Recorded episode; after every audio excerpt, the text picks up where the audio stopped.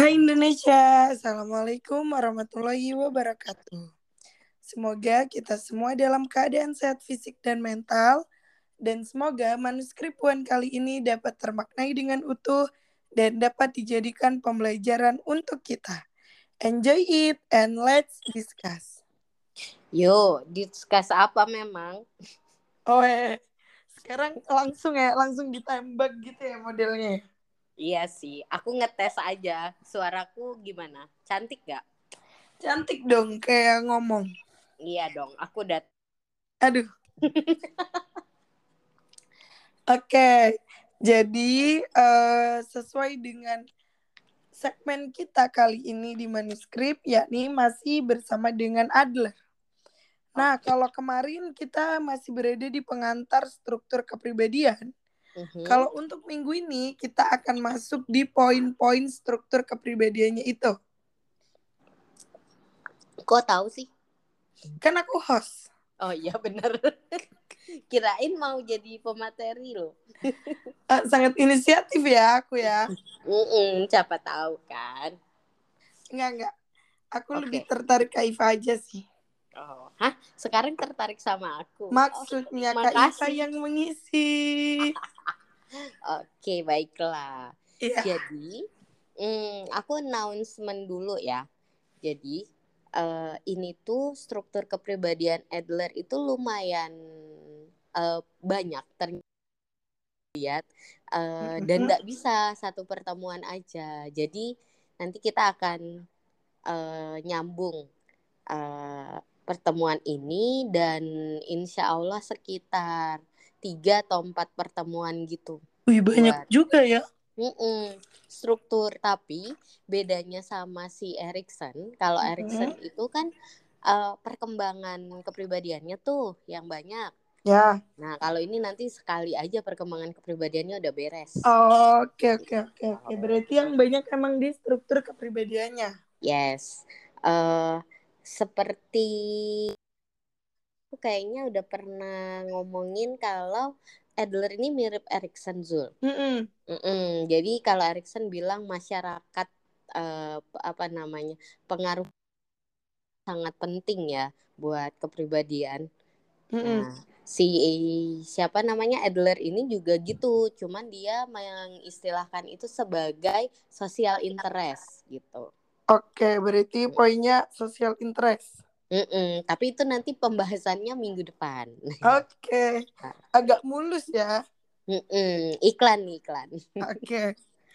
Jadi kalau untuk yang minggu ini apa aja tuh kak yang mau kita nah, bahas? Jadi minggu ini tuh pengantar menuju social interest. Bukan uh, tahapannya. Jadi kan kalau social interest itu sudah ke uh, apa namanya ada kaitan dengan eksternal tuh. Nah, di pertemuan sekarang kita bahas uh, masih ke poin yang kemarin yang mm -hmm. kasih pengantar tentang tujuan final yang semu. Iya. Nah, itu tuh di dalam tujuan final itu ada istilahnya persepsi subjektif dan keutuhan kepribadian atau unity of personality. Wes. Wih, itu bahasa Inggrisnya aja gak sih itu bukan mm -mm, Iya, itu bahasa Inggrisnya aja. Biar keren gitu. Oh, oh, salah salah salah bentar. Kan persepsi subjektif dengan keutuhan kepribadian. Jadi mm -hmm. aku uh, atau kan uh, subjektif uh, subjektif perception and personal uh, of personality. Nah. Oke, okay, oke. Okay. Keren nggak tuh? Uh, agak biasa aja sih. Oke, okay, anggap aja lah kayak lagi belajar bahasa Inggris gitu. Oh, keren, keren berarti keren. Oke okay deh. Uh, mungkin kita langsung aja kali ya. Boleh. Apa emang persepsi subjektif ini apa tuh, Kak? Nah, jadi seperti tadi ku bilang ini itu sebenarnya masih kaitannya dari tujuan final yang semu. Tuh.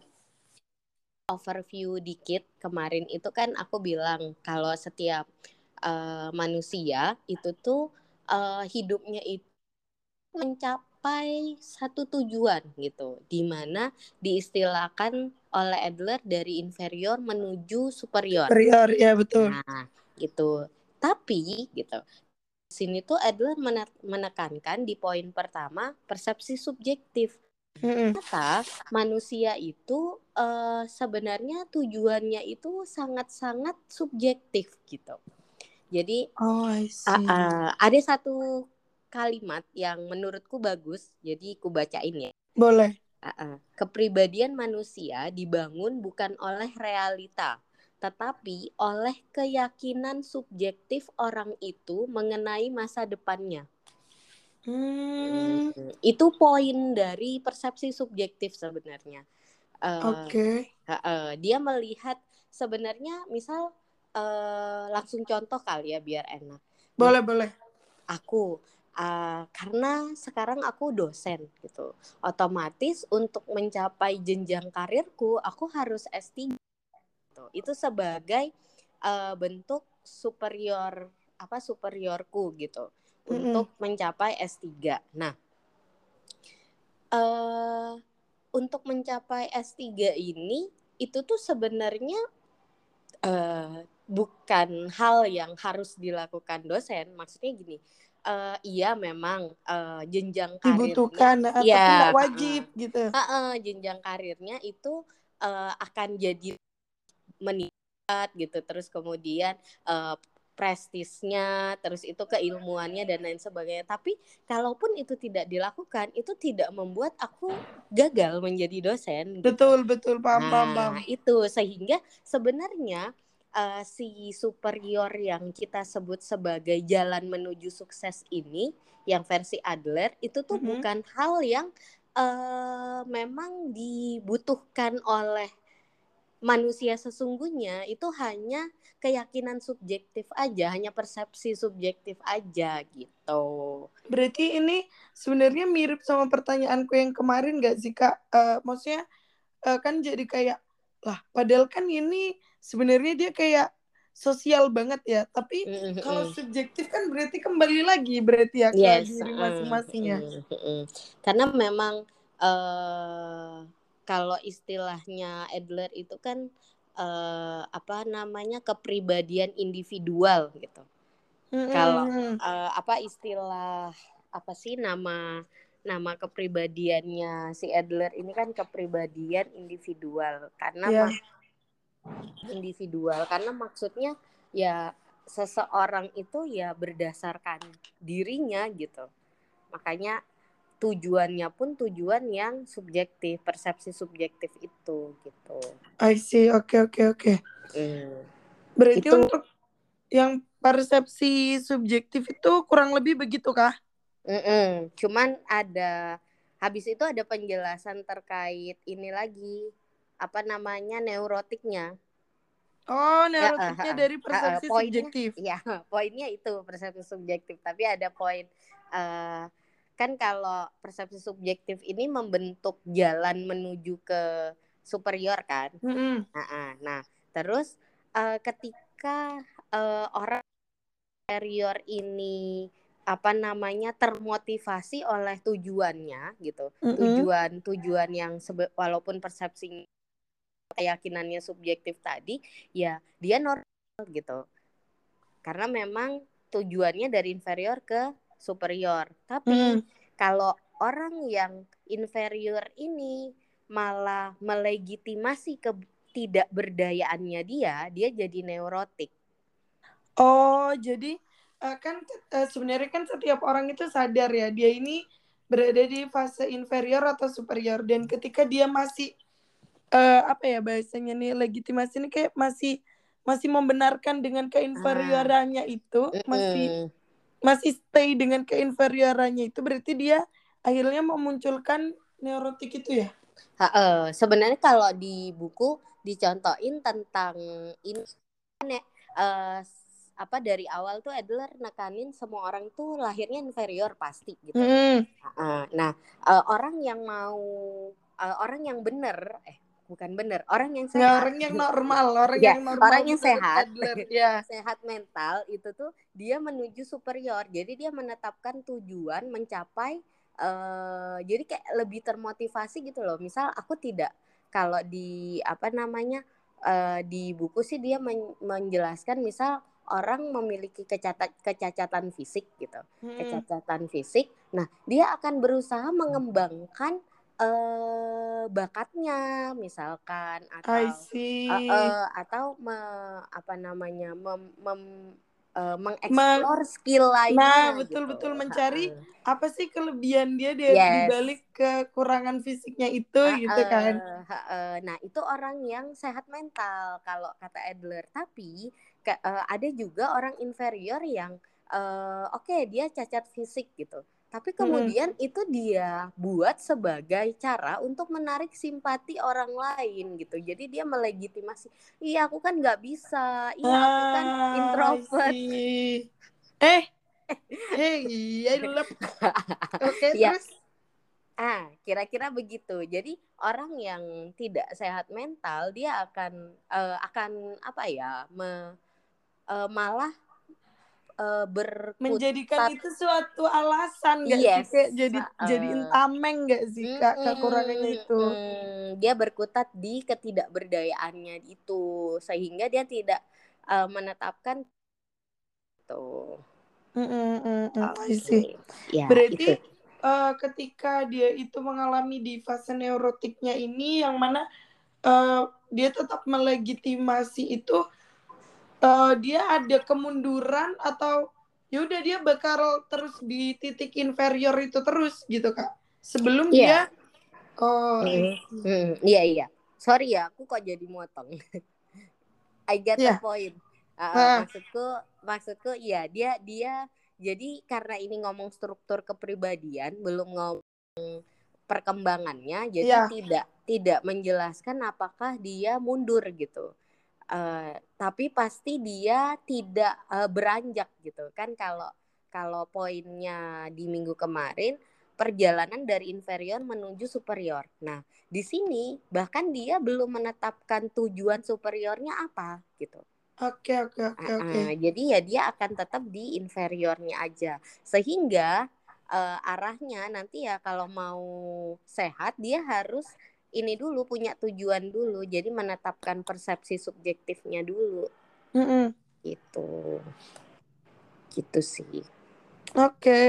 mm -mm. di Berarti... sini agak agak unik sih Zul maksudku di Adler ini dia uh, di setiap struktur kepribadian itu dia menyinggung hal neurotiknya gitu Iya benar, itu yang aku garis bawahi dan mm. kenapa tadi aku mem, uh, notice itu karena kan di catatan yang kemarin itu terkait inferiority complex ya. Mm. Nah, dan ini tuh kayak ya agak relatable sama neurotiknya di sini gitu karena kan dia melegitimasi ketidakberdayaannya itu. Betul, betul.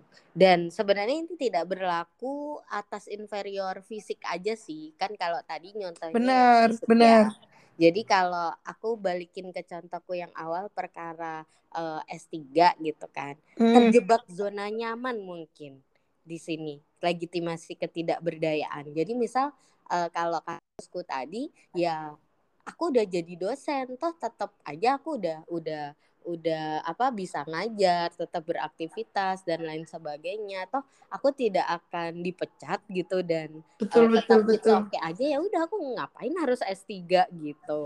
Itu. Jadi uh, inferiorku ya udah itu dijadikan tidak berkembang ke mana-mana gitu dan ya udah pasrah aja dengan keadaan yang ada gitu jadi iya. tidak ada keinginan untuk menjadi superior gitu ya. Sekali. Begitu. Itu poinnya persepsi subjektif. Oke oke oke. Dapat sih pain poinnya untuk persepsi subjektif kak. Mm-mm. kainnya dapat nggak kainnya? Kainnya belum sini lagi nunggu. Oke. Okay. kita next. Oke. Okay. uh, kak uh, btw sebelum hmm. next itu aku mau make sure sih. Berarti okay. ini itu uh, untuk di struktur kepribadian ini terkait persepsi subjektif dan poin-poin lainnya ini mereka memang jadi struktur kepribadiannya Adler terdiri dari persepsi subjektif terus apa terus apa gitu kah? Sebenarnya dia nggak nyebutin kayak gitu sih. Hmm, okay. jadi itu uh, apa namanya kalau uh, dia dia tidak mem, nah itu ya yang membedakan sama Jung maksudku aku nyebut membandingkannya ke Jung karena karena Jung yang sangat detail terkait enggak karena aku bahasnya Jung oh. iya jadi kan kalau Jung dia jelas tuh uh, struktur kepribadiannya gitu nah se uh, terus kalau kita ngomong Freud yang cukup terkenal juga dia jelas struktur kepribadian yeah. modelnya kan nah kemarin tuh yang agak mulai struktur kepribadiannya nggak begitu jelas Erikson sebenarnya hmm, yeah. ini juga ini. Jadi tuh nggak nggak ada penjelasan bahwa struktur kepribadiannya itu bentuknya bagaimana siapa di dalam apa itu nggak ada. Cuma poinnya uh, halo? Iya oh, ini iya. menyimak kak. Oh iya. Soalnya aku takut hilang. Enggak enggak oke. Okay. nah jadi kalau struktur kepribadiannya Adler ini dia langsung menyebutkan uh, inferior menuju individu yang sukses atau superior hmm. gitu. Nah, terus disebutlah A uh, eh gadik uh, ya itu uh, A-nya itu sudah apa uh, menuju sukses menuju superior gitu. Terus habis itu uh, B-nya ini tadi persepsi sub subjektif gitu. Oke oke oke oke. Berikutnya kesatuan ya kepribadian. Kesatuan kepribadian ya. Mm-mm. Sebenarnya ini sih kalau di buku ditulisnya keutuhan. Cuman aku merasa unity kan, bahasa Inggrisnya unite. Makanya tadi aku nyebutin unity-nya sebenarnya.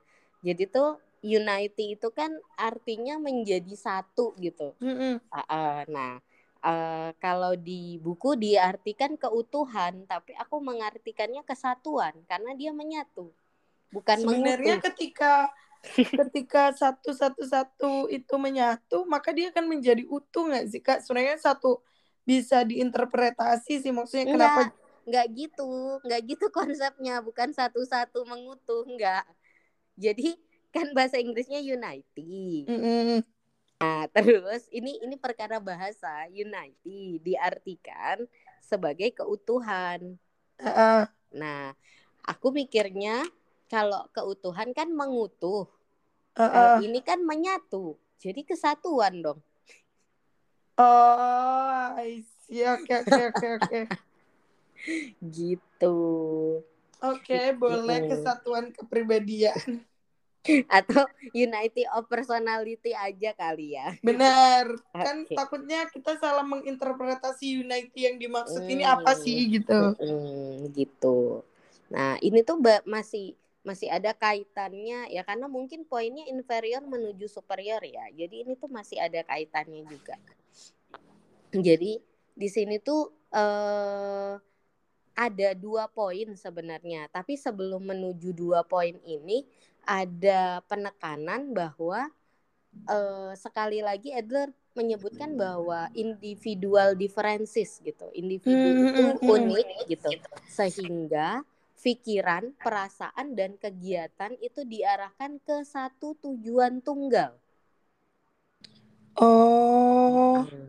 Jadi sebenarnya uh, manusia itu dalam perjalanan hidupnya itu dia cuma uh, berjalan dari inferior menuju superior itu versinya Adler gitu mm-hmm. makanya dibilang kesatuan kepribadian jadi uh, kayak tadi contohnya ku perkara S3 tadi ya biar menjadi uh, superior yang inferiornya ya masih dosen S2 mm-hmm. gitu nah itu tuh uh, segala bentuk feel terus itu thing gitu yang dipikirin yang dirasakan terus bentuk perilakunya itu tuh ya menuju ke arah sana gitu. I see, I see, I see. Mm -hmm. Berarti mm. uh, maksudnya gini.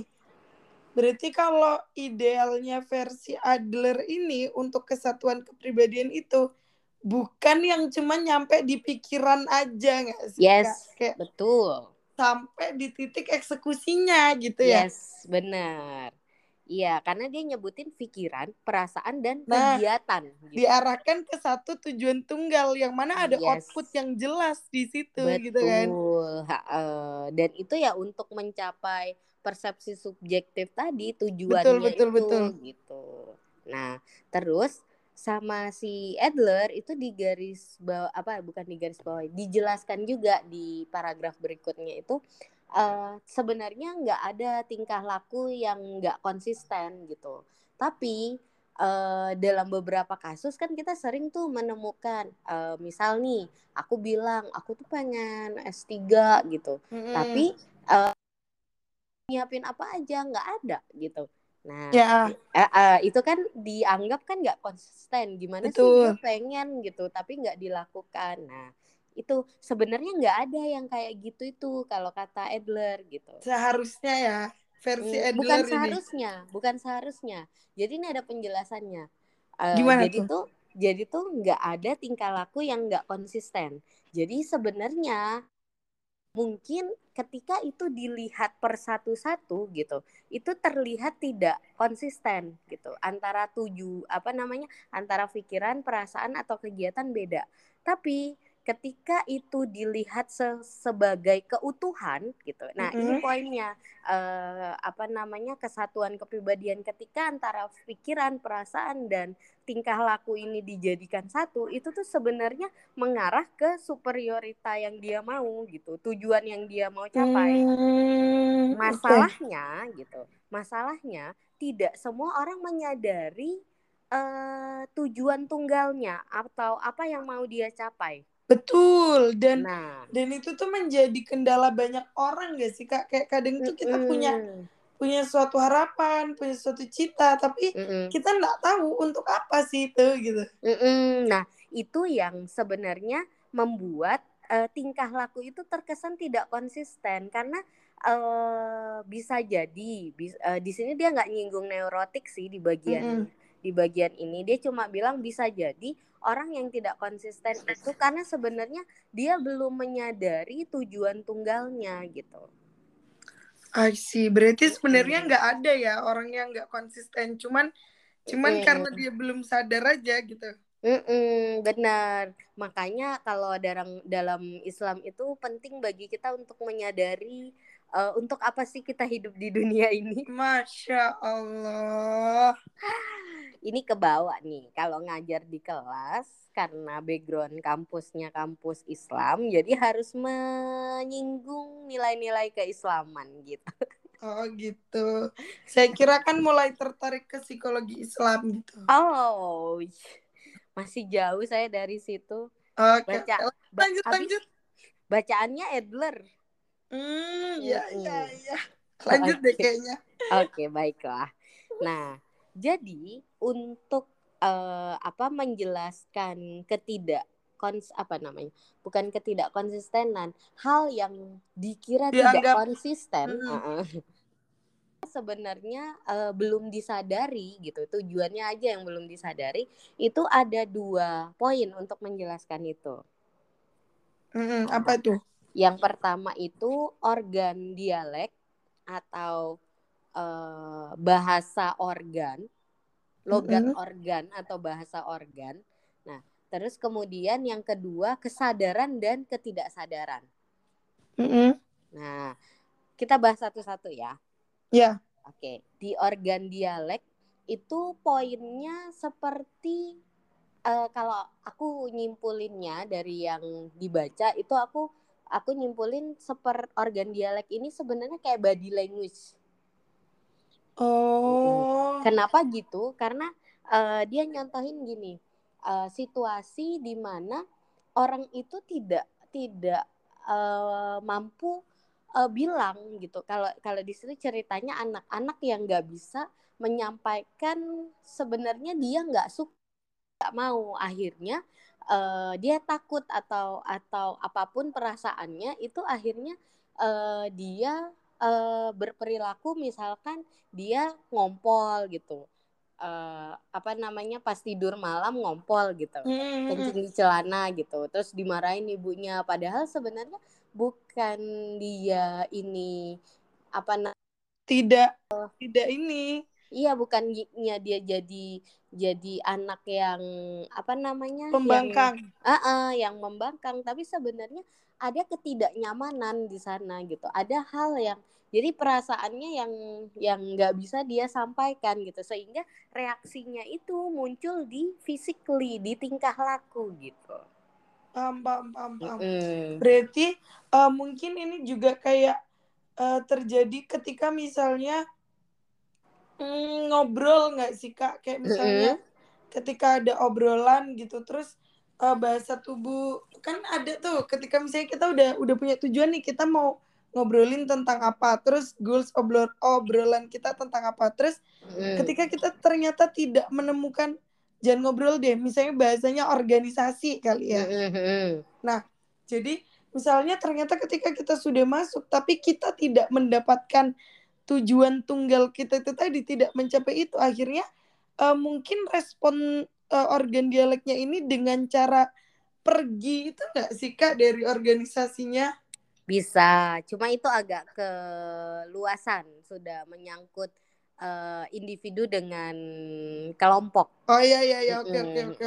Kan ini kan ini dia ngomong dirinya sendiri ya. Jadi kita ngomong reaksi reaksi personal aja. Misal uh, karena dia merasa di sana tidak nyaman, jadi males ikut kegiatan, jadi oh, iya, iya, iya, iya. jadi ya jadi yang yang ditunjukkan reaksi-reaksi individual aja.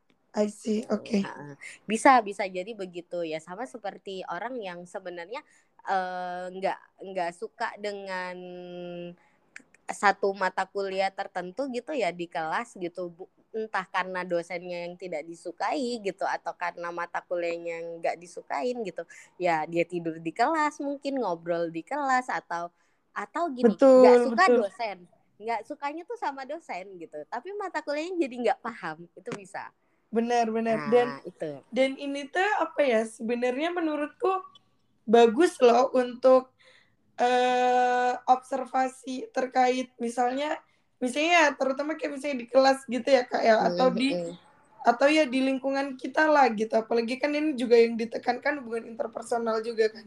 Kayak uh, apalagi mungkin kan backgroundnya Adler ini psikolog ya jadi kayak ketika ngelihat orang tuh nggak yang langsung judging ditambah lagi statement yes. dia yang individual differences. Terus dengan dengan bahasa tubuh maksudnya sedetail itu loh bahasa tubuh aja sampai yang oh ternyata ketika bahasa tubuh ini ada respon yang kayak gini gini gini itu mm ada ada ketidaksatuan kepribadian nih gitu. Mm, mm, uh, aku ralat uh, istilahku bahasa tubuh. Sebenarnya Adler menyebutnya uh, bahasa organ atau organ dialek.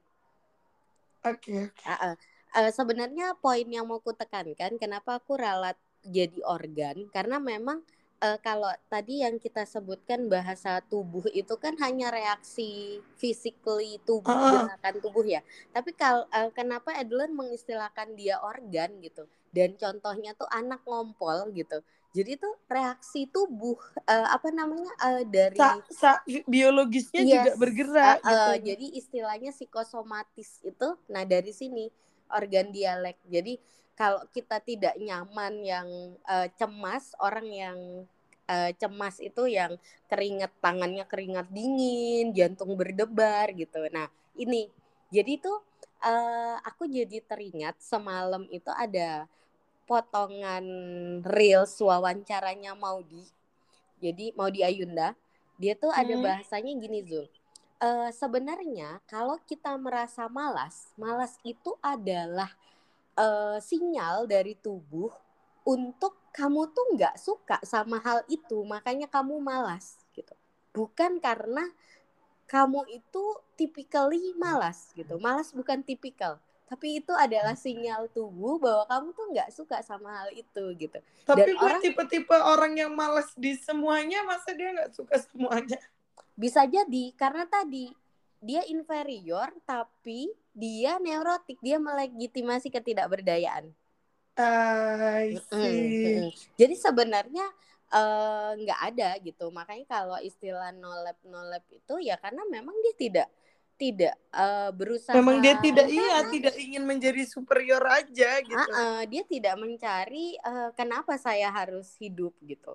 makanya jadi dia tidak tidak termotivasi untuk melanjutkan kehidupan saya kira gitu sih kok jadi saya asik mendadak jadi dosen lah kan emang dosen Oke, kira-kira begitu sih poinnya. Makanya uh, sampai disilakan organ itu sebenarnya dia uh, sudah karena dia ngomong proses mental tadi, pikiran, perasaan ataupun perilakunya gitu.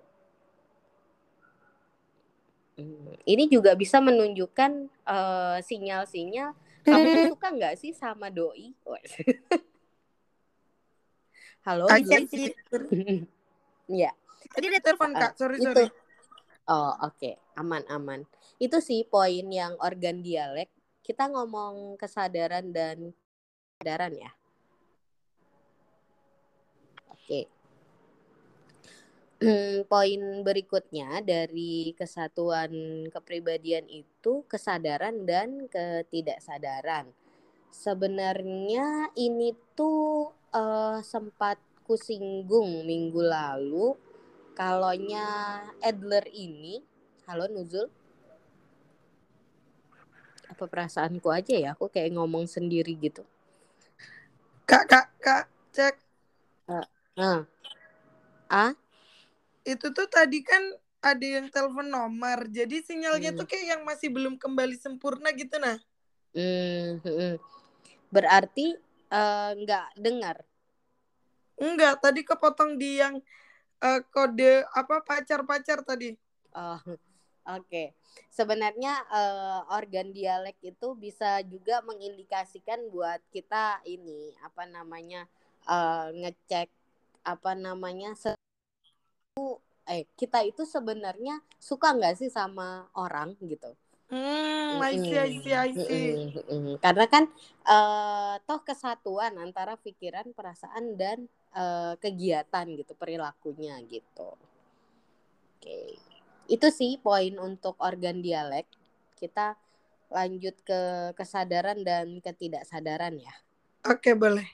Oke. Nah, jadi kalau ngomong kesadaran dan ketidaksadaran ini itu tuh uh, masih ngomongin ini unity of personality jadi mm -hmm. uh, kesatuan poinnya yang pertama adalah uh, antara kesadaran dan ketidaksadaran itu satu gitu. tapi nah, mm -hmm. kesadaran dan ketidak itu tapi mm -hmm. kalau uh, minggu lalu sudah pernah aku singgung juga Adler itu fokusnya ke kesadaran Oh, ya ya ya ya ini uh, sempat Kaifa ngomong sih kalau hmm. Yang lain kan lebih fokus ke ketidaksadaran gitu. Hmm, hmm. Kalau Adler itu Kenapa? Karena kesadaran sebagai pusat gitu ya. Hmm, untuk bisa menuju superior gitu, orang harus dalam keadaan aware gitu di kesadaran. Jadi dia ada di di egonya.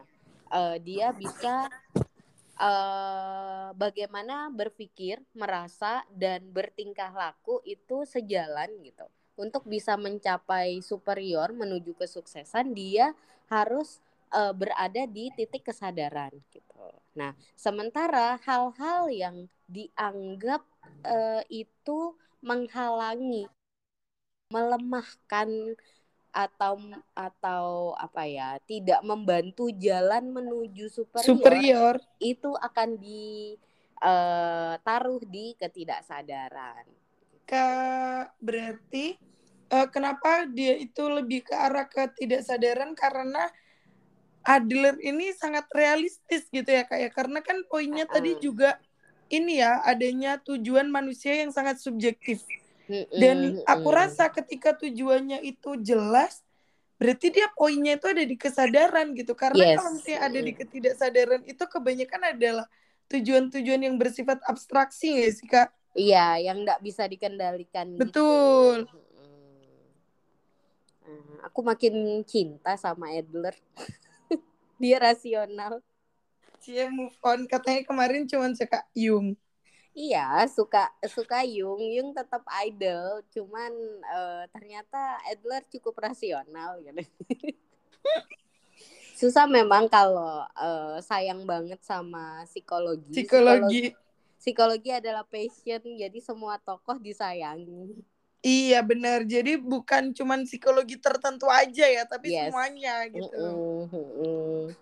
gitu oke poinnya tadi di situ Eh, titik tekannya di kesadaran nah terus eh, di paragraf berikutnya itu dijelasin juga kalau eh, apa namanya bentuk kesadaran dan ketidaksadarannya Adler ini dia menggambarkan sebagai pohon Hmm, ini cikal bakal teori Ter- tes ini anu, grafis Iya.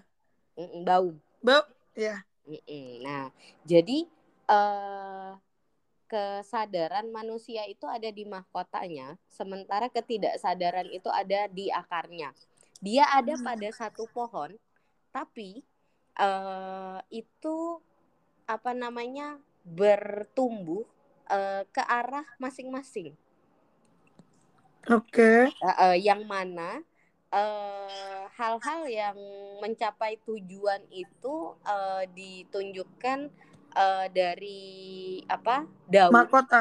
Mm-mm, mahkota pohon itu sementara yang ketidaksadaran itu dianalogikan sebagai akar gitu yang yang sebenarnya eh, menancap kuat gitu eh, di diri seseorang tapi itu nggak kelihatan Hmm, I itu ketidaksadaran. Sementara yang ditunjukkan itu ya eh, citranya pohon di mahkotanya gitu. Hmm, hmm, Ada hmm. di kesadarannya itu gitu. Itu yang menunjukkan performancenya pohon gitu. Bagaimana eh, bentuk pikiran perasaan pelakunya itu. Kak, Eh, tapi poin. aku jadi penasaran, ada nggak sih eh, orang yang ini apa namanya dia itu besar di keduanya gitu, maksudnya kuat dominan di keduanya gitu di di kesadaran dan ketidaksadarannya ini sama-sama dominan gitu, berarti dia jatuhnya gimana? Ada nggak tapi ada nggak atau du- at- ada atau nggak dulu sih? Mm-mm. Ya bisa aja sih ada. Maksudnya gini, eh, poin kesadaran dan ketidaksadaran ini kan eh, bukan sesuatu yang eh, pasti besar di kesadaran. Cuman fokus Adler itu ada di kesadaran karena fokusnya adalah mencapai kesuksesan. Mm-mm. Sementara kalau di Freud gitu eh, dari dari ukuran gambar memang eh, kan dia menganalogikan kesadaran itu sebagai gunung es kan kesadaran dan ketidaksadaran. Mm. Eh, yang paling eh, besar di gambarnya itu adalah ketidaksadaran. Karena kalau gunung es itu kan bagian bawah yang tidak terlihat ini yang bom waktu yang yang bahaya Suatu iya betul betul. Pada dasarnya sebenarnya sama aja sih Eh, ketidaksadaran yang akar ini juga bahaya kalau misalkan cukup eh, cukup kuat gitu ya dia menancap kuat itu pohonnya juga jadi kuat dan eh, kalau aku melihatnya begini sih tapi ini opini ya bukan Iya. dari buku aku Iya. melihatnya begini eh pohon yang tinggi pohon yang menjulang tinggi yang besar itu tuh akarnya pasti kuat. Jadi untuk mencapai banyak hal yang eh, setiap orang yang terlihat sukses dan berhasil itu dia menyimpan banyak cerita kegagalan kelelahan dan segala macam yang tidak ditunjukkan pada orang lain gitu. Ah, pasti dia mengakar kuat Mm-mm. enggak nggak Mm-mm, mungkin mm. enggak gitu. Karena konsepnya Adler kan dia eh, hal yang menghalangi ke tidak apa menghalangi tujuan Kes- itu menuju, uh-uh. ke wih, sampai nabrak hal yang menghalangi Saking sama-sama excitednya ya. enggak jadi tanganku ku gerak-gerakin hal yang ya, hal yang menghalangi menghalangi tujuan itu ya akan langsung dibuang ke ketidaksadaran gitu Oke oke oke oke.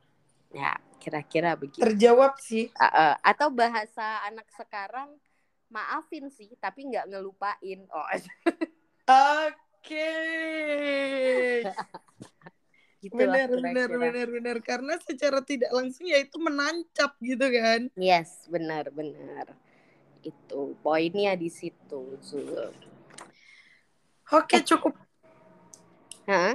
Apa cukup menarik sih pembahasannya maksudnya ternyata Adler ini klinis sekali ya Iya, karena dia masuk di psikoanalisa deh, Nuzul. iya sih tapi kan dia juga eh, melibatkan hubungan interpersonal Ah, gitu iya, kayak Bapak Erikson juga. betul Gitu. Ya, begitulah kira-kira poinnya. Ternyata aku bahasnya singkat-singkat ya, Os. iya loh cuman 40 menit loh biasa kita tuh selalu sejam loh untuk manuskrip ini Enggak, aku nung anu jaga nih jangan sampai keburu ajan. Oke. Memang sangat visioner kok. Iya dong, sekeren ini loh. Eh. Oke lah, itu ya. Oke, Kira-kira begitu. kira eh, untuk pembahasan struktur kepribadian yang belum kelar ini, maksudnya untuk Mm-mm. poin yang sekarang ini sudah cukup jelas sih kak. Eh, Oke, sip. Kok ketawa? Enggak, enggak apa-apa. Yang belum kelar ini.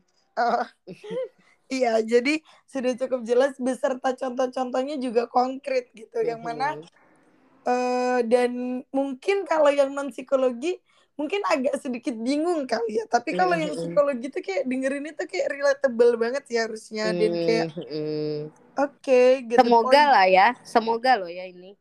Iya amin. Amin. Oke, jadi untuk pembahasan yang ini mungkin bisa dicukupkan kali ya kak. Boleh dicukupkan. Eh, terima kasih ya Nuzul. Eh, salah ya. Kan Aku selalu yang mengambil ngomong. ahli.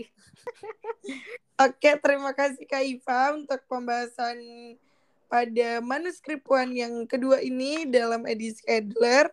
Uh, semoga teman-teman yang mendengarkan bisa memaknai dan dan mengambil Hikmah. poin dari kok hikmah Oh iya. poin dari apa yang Poin. sudah kita obrolin gitu. Amin, Jadi seperti amin. biasa, tanpa menyimpulkan, sekian dari kami. Terima kasih. Wassalamualaikum Wassalamualaikum warahmatullahi warahmatullahi wabarakatuh. wabarakatuh.